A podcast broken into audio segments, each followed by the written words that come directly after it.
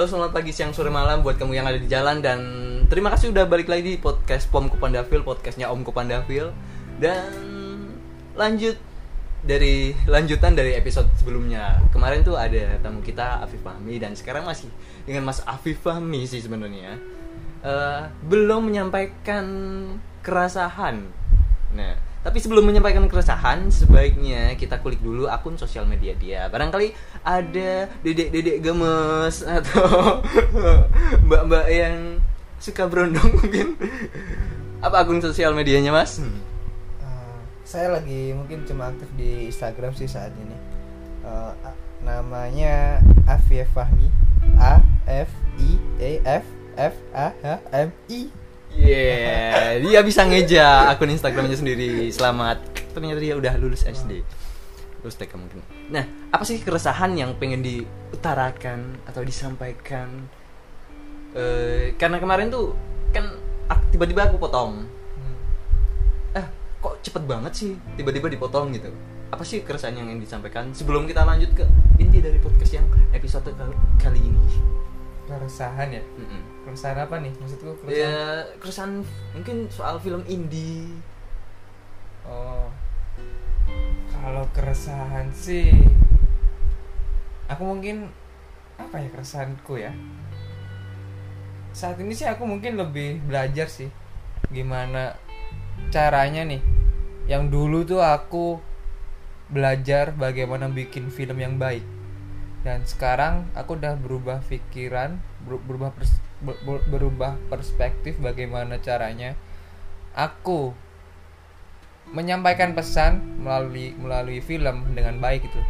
Jadi istilahnya yang dulunya aku bikin bi- pikir keras bagaimana caranya bikin film yang baik, malah aku sekarang malah bagaimana men- menggunakan media film menggunakan media film itu untuk menyampaikan pesanku dengan baik. Paham nggak? Ya, Soalnya- itu merupakan salah satu hal lumrah sih Ah, dalam sebuah membuat karya. Pertama kita memikir untuk sesuatu yang baik, Hmm. kemudian memikirkan sesuatu pesan yang bisa tersampaikan dengan baik. nah, Itu adalah sebuah proses yang alami. ah. balik lagi sih sebagai seorang seniman nih, weh seniman. Woi, seniman. Entah itu- Agak berat sih sebenarnya kalau nyebut diri sendiri sih seniman kok kayak belum belum diakui orang lain tapi kita udah beranikan diri. Oh, gue ini seniman. Kuat. Karena menurutku entah itu seniman lukis, seniman musik, seniman kriya, itu kan kayak kriya lukis itu kan media gitu loh. Iya. Musik itu media. Bagaimana kita menyampaikan pesan kita melalui melalui apa media seni itu gitu loh. Sama kayak film gitu. loh. Misalnya nih aku pengen bikin film tentang konservasi. Hmm. Gimana tuh? Ya gimana caranya aku menyampaikan pesan konservasi itu melalui media film. bagaimana kita memframe atau istilahnya mengemas Hmm. gitu ya Hmm. Istilahnya soalnya gimana? Aku sih menurutku nih ya. Aku sekarang lagi malah seneng melihat film-filmnya anak-anak kedokteran, anak-anak antropologi, anak-anak sosiologi. Di mana mereka tuh bikin film ya bener-bener fokus kepada apa yang ingin mereka sampaikan gitu loh. Walaupun dalam teknis mereka maaf nih ya biasa-biasa aja gitu loh. Tapi apa yang ingin mereka sampaikan itu kuat gitu loh kena banget kena gitu ya. banget gitu loh emang fokus ke situ misalnya nih anak antropologi yang meneliti orang suku anak dalam Hmm. walaupun teknisnya biasa-biasa aja tapi dalam film tersebut kuat apa yang mereka teliti apa yang ingin mereka sampaikan contohnya kemarin aku juga punya temen dek- kedokteran yang nunjukin filmnya ke aku itu tentang hmm, calon bu dokter pasti. Enggak. Udah, udah dokter malah udah dokter. Oh udah dokter. Dia nunjukin filmnya penelitian tentang anak-anak di kalau nggak salah anak-anak di Aceh yang mabuk menggunakan komik komik Komik. sasetan komik aku sasetan mikirnya komik komik baca Bukan. komik sasetan Ah. yang biasanya itu 10 10 sampai 20 bungkus dalam satu konsumsi gitu kan ya ampun Nah itu mereka bener-bener fokus film dokumenter mereka yang bener-bener fokus ke situ gitu loh. Mereka bener-bener meneliti dan penelitiannya didokumentasikan menjadi sebuah film di mana ntar film itu bakal ditontonin ke masyarakat masyarakat luas dan eh, dalam acara-acara tertentu gitu loh. Dan menurutku film-film mereka tuh menarik banget gitu Kayak- aku lebih Kayak iya. contohnya gimana tuh filmnya ada spoiler dikit lah. contohnya ya itu tadi anak-anak di Aceh yang tiap hari mengkonsumsi tersebut terus apa sih dampak terhadap mereka Hmm. terus apa namanya apa dampak dari mereka setelah mengkonsumsi itu Hmm. dan apa setelah mereka mengko- mengkonsumsi itu apa yang mereka hasilkan apa yang mereka eh, lakukan gitu loh kan itu kan banyak keburukannya kan jadi mereka lebih kompleks dalam menyampaikan pesan tersebut gitu Hmm. Ya mungkin di ada latar belakang riset juga sih. Iya, gitu. Risetnya tuh apa? eh, berisi banget. kuat banget gitu loh risetnya kuat banget dan berbobot secara kan semua jenis film itu pasti butuh riset entah itu film fiksi entah itu film dokumenter Iya. dokumenter itu pasti butuh riset tapi menurutku film-film anak-anak yang fokus di bidang itu lebih kuat gitu loh kalau kita nih anak film kan risetnya harus lebih dalam banget nih Iya. kalau mereka kan udah udah tahu ilmunya udah pasti film Hmm. udah, udah tahu basicnya dan mereka tinggal memfilmkan apa yang ingin mereka teliti gitu loh dan menurutku itu bakal lebih kuat daripada kita kita yang harus Baru- riset baru eh, awal. eh, anak film yang riset tentang misalnya tentang narkotika anak film yang ingin riset tentang narkotika beda lagi sama anak anak narkotika yang ingin bikin film gitu loh Hmm. kalau menurutku pasti filmnya lebih lebih kuat anak narkotika yang bikin film daripada anak film yang bikin film tentang narkotika Ya, mungkin nggak? ada ada apa ya? Karena mempunyai basic dari situ, Eh. jadi roh filmnya itu langsung tersampaikan. walaupun dalam segi Ya, teknis, teknis. itu kurang tapi aku nyaman sih dengan film-film kayak gitu kalau menurutku sih Ada sih? aja gitu Oh. Ada keresahan lain nih sebelum lanjut ke episode keresahan yang lain intinya. mungkin mungkin aku mau nyampain keresahan dari teman-teman eh, lain sih teman-temanku terutama tuh eh, teman-teman yang baru belajar mereka masih bingung gimana distribusiin film mereka gitu Hmm. Misalnya- Makanya dari kalau dulu aku ikut komunitas film itu distribusi film emang agak susah-susah gampang kalau Iya. bilang ya. karena mereka bikin film bingung mau, mau dikemanain kan Iya. Udah capek Padahal, produksi, eh, budget kadang keluar sendiri kalau Iya. nggak ada yang danain gitu kan. Padahal kan sekarang tuh banyak banget festival-festival di terutama di Indonesia sih. Hmm. Nah, Dari kampus-kampus tuh banyak UI Film Festival, Ganesha Film Festival, U- uh, UMM Malang tuh juga salah satu festival kampus tertua di Indonesia. Terus ada lagi Pesta Film Solo anak-anak UNS. Itu sebenarnya banyak banget sih. Itu, tapi lebih lebih pinter-pinternya kita cari lowongan festival film gitu loh.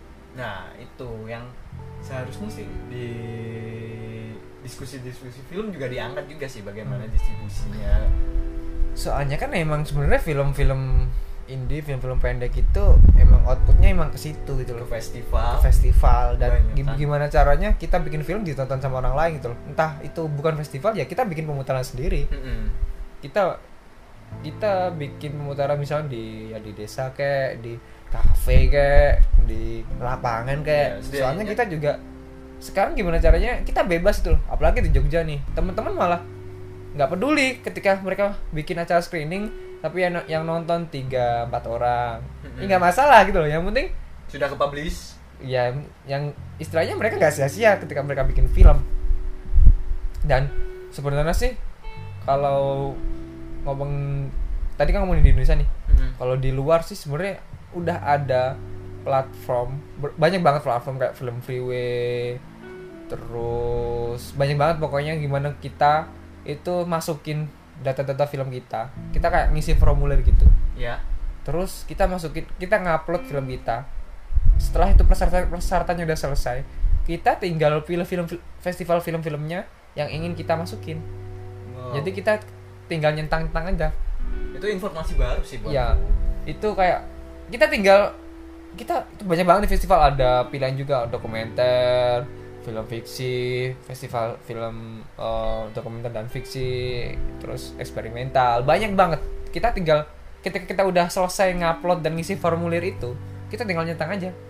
Dan itu ada yang berbayar dan dan ada yang juga gratis. Tinggal kita milih aja kalau kita punya uang ya bayar. Oh. tapi kebanyakan kalau film-film yang apa festival film yang, yang gratis itu film-film yang festival film yang gak bergengsi ya yang festival film baru lah festival film yang Yang baru diadain baru gitu ya. diadain. tapi itu lumayan loh maksudku itu seluruh dunia loh film kita ya aku pernah kan maksudnya lolos kayak gitu senang Iya. gitu loh uh, Mm-mm. filmku bisa diputar di Denmark filmku Iya. bisa diputar di Italia gitu kan ya walaupun kita nggak ke sana Setidak. setidaknya Nah, film kita udah sampai di sana gitu loh itu apa ya? suatu pencapaian Penghargaan. penghargaan kita tapi sebenarnya ada festival film yang ngasih akomodasi buat kita gitu. Jadi kita bisa bisa aja festival film itu ngasih uang buat kita buat transport dan Iya. akomodasi di sana tapi kebetulan film-filmku yang lolos di festival itu nggak ada yang Oh iya. ngasih akomodasi. Makanya cuma film filmnya doang. Aku nggak bisa ikut. Nah, itu yang terkadang jadi dilema tuh ya bukan dilema sih kita bisa masukkan aja ke platform itu. Hmm. kalau di Indonesia sendiri sih belum ada ya. Ah, tapi kalau di Indonesia kayak harusnya ada mungkin Tapi ada tapi itu belum sempet- belum sempet- ter ini tershare ke dis- sebenarnya film. aku be- beberapa kali datang di berbagai forum diskusi di festival-festival film di Indonesia itu sempat ada omongan seperti itu gitu loh. Mm-mm. tapi sampai sekarang masih belum ada harusnya ada itu yang memudahkan kita untuk pendistribusian film kita gitu sayang banget sih maksudku iya padahal, padahal, sekarang tuh banyak banget sih eh, lagi seneng nih anak-anak bikin film. Mm-mm. lagi apa ya? Apa istilahnya? Apalagi sekarang udah Hype-nya. udah kebantu platform-platform seperti eh, View itu juga ada film pendek sih. Terus oh iya ada heeh. lagi kadang ada iklan itu film pendek film pendek. Fitzy. Fitzy itu emang di platform kayak YouTube gitu. Hmm. tapi isinya tuh film-film pendek semua gitu. Itu malah sat- salah satu peluang buat kita untuk distribusi film kita ke situ gitu. Mumpung masih sepi juga Mumpung masih sepi. Jadi ya aku juga biasanya cari referensi film di Fitzy itu. Itu Asia sih kayaknya. Asia Asia. Seluruh film pendek di Asia. Wah ini informasi baru banget nih. Eh, semoga bermanfaat. teman-teman yang mau distribusi film. Soalnya aku juga sebenarnya masih belajar juga sih tentang distribusi film. Ya, setidaknya udah meng-share sedikit informasi oke oke oke oke. Masih dengerin kan? Oke kita lanjut ke episode inti. Apa ngomongin soal kurikulum vitae seberapa penting sih buat sineas? Wah. Buat filmmaker. Terutama buat filmmaker nih. Kan kadang kita nganggap ah nggak penting CV padahal juga nanti waktu kita terjun di lapangan atau di interview kerja kadang tuh penting banget. Nah kalau Mas Afif kalau aku sih mungkin ngomongnya nggak di bidang film nih. Mesti di bidang semua pekerjaan Iya, sih. ini CV secara itu- umum universal secara, ya. secara umum sih. CV itu penting gitu loh. Ketika kemarin ba- banyak teman-temanku yang baru lulus itu mereka bingung gitu loh. Soalnya kenapa? Kebanyakan perusahaan-perusahaan sekarang itu nyari fresh graduate. Mm-mm. tapi minimal kerja 2 tahun nah bagaimana Nah, caranya bagaimana fresh- caranya kita fresh graduate tapi dua tahun? tapi udah kerja. udah tahun dua kerja ya itu tadi. Kita emang harus tetap gerak tuh nggak cuma kuliah doang gitu. Kita harus punya kehidupan di lain cari cari circle di luar perkuliahan. Dan akhirnya kita dapat ya sambilan sambilan apakah maksudku emang sekarang tuh apalagi sekarang di sekarang tuh banyak nih kayak platform pencari pekerjaan gitu. Kayak Heeh. apa namanya job fair terus terus Glints kayak Heeh. gitu-gitu kan. Itu platform-platform yang kita bisa mencari pekerjaan lewat online. Dan kebanyakan persyaratan di situ emang itu tadi. Mereka nyari fresh graduate tapi malam kerja 2 tahun gitu loh. iya. Makanya teman-temanku bingung. Makanya sih aku dari semester 2 semester 1 tuh emang udah aktif sih dari maksudku nggak cuma di kampus gitu kita emang Iya. apalagi dunia film nih Heeh. dunia media, dunia audiovisual, kita emang harus banyak-banyak praktek dan harus harus banyak circle juga, banyak-banyak eh, ngumpul gitu ngumpul, terus Gabung. ketemu orang-orang yang bener-bener udah profesional, orang-orang yang bener-bener udah ngerti bener bagaimana gerak di bidang itu gitu. Mm-mm. walaupun sekarang dimudahkan dengan eh, internet kita bisa cari sendiri tapi Hmm. tetap kita harus punya kayak suhunya atau masternya. Itu tadi kita harus kayak ya, mentor gitu ya eh, kita butuh juga. Makanya kan aku ini ya aku lagi semangat semangatnya ketemu orang baru sih maksudku. Apa aja aku kenalin siapa aja aku entah itu di bidang apa aku lagi seneng. Soalnya sekarang itu film media itu enggak itu berguna banget da- da- untuk semua uh, bidang pekerjaan gitu loh. contohnya nih sekarang aja pabrik bedak itu butuh videografer pabrik ban butuh videografer butuh filmmaker untuk mengangkat uh, produk mereka gitu loh. maksudku kalau menurutku yang dulu katanya itu kamu sekolah film mau jadi apa? gitu. Sekarang sekolah film tuh mau jadi apa mau kerja di mana aja bisa. Di pabrik bedak bisa. Di pabrik pabrik bedak. Bahkan kepolisian juga butuh iya butuh orang medianya butuh uh, videografernya juga. Pabrik-pabrik Chevron yang itu juga butuh itu loh. bahkan Pertamina. Pertamina itu juga setauku uh, ada beberapa temanku dia tuh kayak di kontrak gitu buat mapping buat Pertamina sebelum menggarap itunya.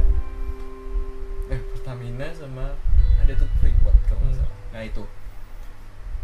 Makanya kan aku lagi ya ini oh gimana caranya aku belajar untuk benar-benar profesional gitu maksudku kerja dan eh, tapi aku masih bisa idealisme gitu tau nggak Hmm. Me- menyisipkan menyisipkan idealisme kita ke dalam- dalam apa ini tangan kita kenapa ada ke dalam sebuah pekerjaan gitu sih. Nah, kebetulan aku ada di dua circle sih, aku di jadi. Aku ada anak selatan dan anak utara. Aku ada aku ada di antara dua itu. Hmm. Ketika aku butuh eh, menjadi anak utara anak utara, aku belajar tentang bagaimana manajemen, bagaimana kita menghasilkan uang, bagaimana kita men- mencari klien, bagaimana kita berhubungan dengan klien. Dan ketika di selatan, aku belajar ba- bagaimana mengembangkan idealisme, bagaimana cara belajar be- gimana bikin film yang benar-benar eh, oke gitu loh. Jadi aku emang ada di dua itu. Itu kayak suatu keberuntungan sih kalau buat aku. Ketika aku ingin belajar aku pengen belajar bener-bener film aku selatan terus aku pengen belajar bagaimana me monetize filmku aku ke utara. Jadi aku ada di tengah-tengah itu. Aku bersyukur banget sih bisa eh, kenal beberapa orang selatan dan utara sih di Jogja ini sih kayak kamu punya dapat dua energi yin ya dan aku punya dua energi yang gitu sih Gila. Emang circle itu butuhin banget. Apalagi Hmm. kalau ya tahun-tahun ini kalau kita nggak punya circle yang baru, kalau Hmm. Soalnya- circle-nya kita cuma itu dan menurutku di suatu waktu circle-nya putus. Iya. Cir- Circle itu sebuah investasi, tau gak sih? Jadi itu bakalan terus menerus berkelanjutan. Kita kita ketika kita habis uh, proyek sama orang ini itu, Ya. orang itu bak, bak- baka- kalau kita kerjanya bagus, orang itu bakal rekomendasiin ke orang lain. Ya. Terus ngalir, ngalir, ngalir, ngalir terus itu bakal terus terusan kalau kita kerjanya oke gitu loh. Dan itu yang aku alamin sekarang sih maksudku. Aku bersyukur banget kenal banyak orang, banyak bos-bos bos yang akhirnya bisa menghidupiku sampai sekarang ini Di perantauan di perantauan kan. Eh, anak rantau nih. perantau emang harus kita harus terus berjuang kan. Iya, hidup anak Hmm. rantau. Apalagi anak pertama kan. Iya. Harus jadi Aduh, contoh. Siapa yang di sini anak pertama? Itu sih. Bontot. Hah? dan menurutku CV itu penting banget sih kita cuma banyak kan teman-teman yang lulus kuliah tapi nggak dapet apa-apa Mm-mm. terus tuh nggak nggak ada bekal apa-apa cuma Mm-mm. punya bekal ijazah tapi ah menurutku sayang banget Menyesal bakal. bakal Serius. ya bakal menyesal kok kalian cuma leha-leha aja dan cuma cuma dengar doang dan nggak pernah praktek. Ah, cuma fokus ke akademik kayak bakal menyesal kalian soalnya juga banyak teman-temanku nih apalagi anak isi jurusan film Ada itu. banyak yang mereka cuma ya udah yang penting Cuma coming tuh. Ah, dan sampai semester akhir mereka baru sadar. nggak baru sadar bahkan masih bingung gimana cara kamera What? dan emang mereka fokus ke eh, kuliah gitu loh Hmm. jadi masih bingung gimana cara editing padahal udah semester akhir dan mau bahkan ada yang lulus mereka masih bingung Be- beberapa, eh, basic teknis kamera dan editing banyak banget. Tapi aku nemuin di kampus lain juga kalau yang di media juga ada yang kayak gitu. Cuman kayaknya banyak sih. Ya ya mungkin mereka terpaksa Hmm. di situ. Kemungkinan. Dan mereka nggak terlalu menurutnya nggak terlalu a- tertarik. Nggak tertarik Tapi padahal- gitu. apa ya? Ya di kalau menurut pendapatku ya kalau aku nyampe kuliah di kesenian gitu emang suatu kebanggaan sih Hmm.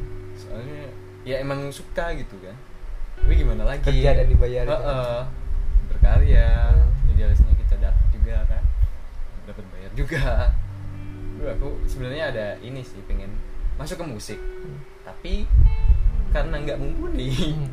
ya udah oke gitu jangan menyerah ya. Iya nggak apa-apa. Yang penting udah ada karya lain. Oke. berkarya itu nggak cuma di satu bidang bisa di bidang lain. Oke, apa yang kamu oke. suka Nah. lanjut aja hajar terus gasken wae. Eh. itu sih. Kenapa jadi saya yang menyampaikan pesan? Moral. Ya apa lah. Ya itu sih CV itu penting penting penting banget. Serius. Serius itu adalah bekal kita. Soalnya apalagi filmmaker nih. Biasanya nih kalau filmmaker itu kalau kita mau screening film kita itu di katalog ada nih. Wah film-filmnya apa aja?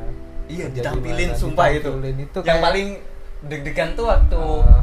eh, profil kita ditampilin di situ. Hmm. jadi ini kok bisa lolos nyampe Wah, festival ini? Ini festival ini. curiga ini. Wah ini pernah eh, bikin film yang gini kerja di sini itu kayaknya suatu kebanggaan tersendiri sih. Ah. masa kita ditampilin di situ tapi nggak ada nggak ada apa apa? namanya? Historinya. Historinya. Track Sayang record track record. ya tapi nggak apa-apa sih itu ya ya tapi ya sebisa mungkin banyak banyakin lah. Ini menurut pendapat pendapat saya. Iya. Nah, ya sebenarnya banyak cara menuju Roma. Dan Iya. nggak menuju Cina. banyak cara untuk menjadi seorang filmmaker sih. Tapi ya kalau jalanku jalan ninjaku seperti itu. Woi, ternyata dia penggemar Naruto. Dan masih banyak jalan-jalan ninja yang lain. Silahkan tinggal pilih aja sih. Iya. Setidaknya kita bisa mendapatkan One Piece. Ya oke. Oke oke oke. Obrolannya sampai ke mana-mana. Oke deh kayaknya episode kali ini ditutup aja buat yang pengen tanya-tanya lagi bisa ke instagramnya Mas Afif. Apa tadi namanya? A F I F F A H M I. Afif Fahmi. Oke nanti aku tulis di deskripsi kalian bisa cek di Spotify oke. atau di platform yang lain. Oke. Dan jangan lupa follow. Jangan cuma nge DM doang tapi di follow juga. Ya nggak apa biar 10k biar bisa swipe up. Swipe up. Oke terima kasih dan DM aja aku kalau ada pertanyaan lain atau ada request pengen kolaborasi podcast sama siapa kalau bisa didatengin saya akan datengin. Terima kasih sudah dengerin. Buat kamu yang ada di jalan hati-hati. Buat kamu yang mau tidur jangan lupa cuci kaki dan baca doa. Buat kamu yang di mana aja pokoknya terima kasih. See you next time. Bye bye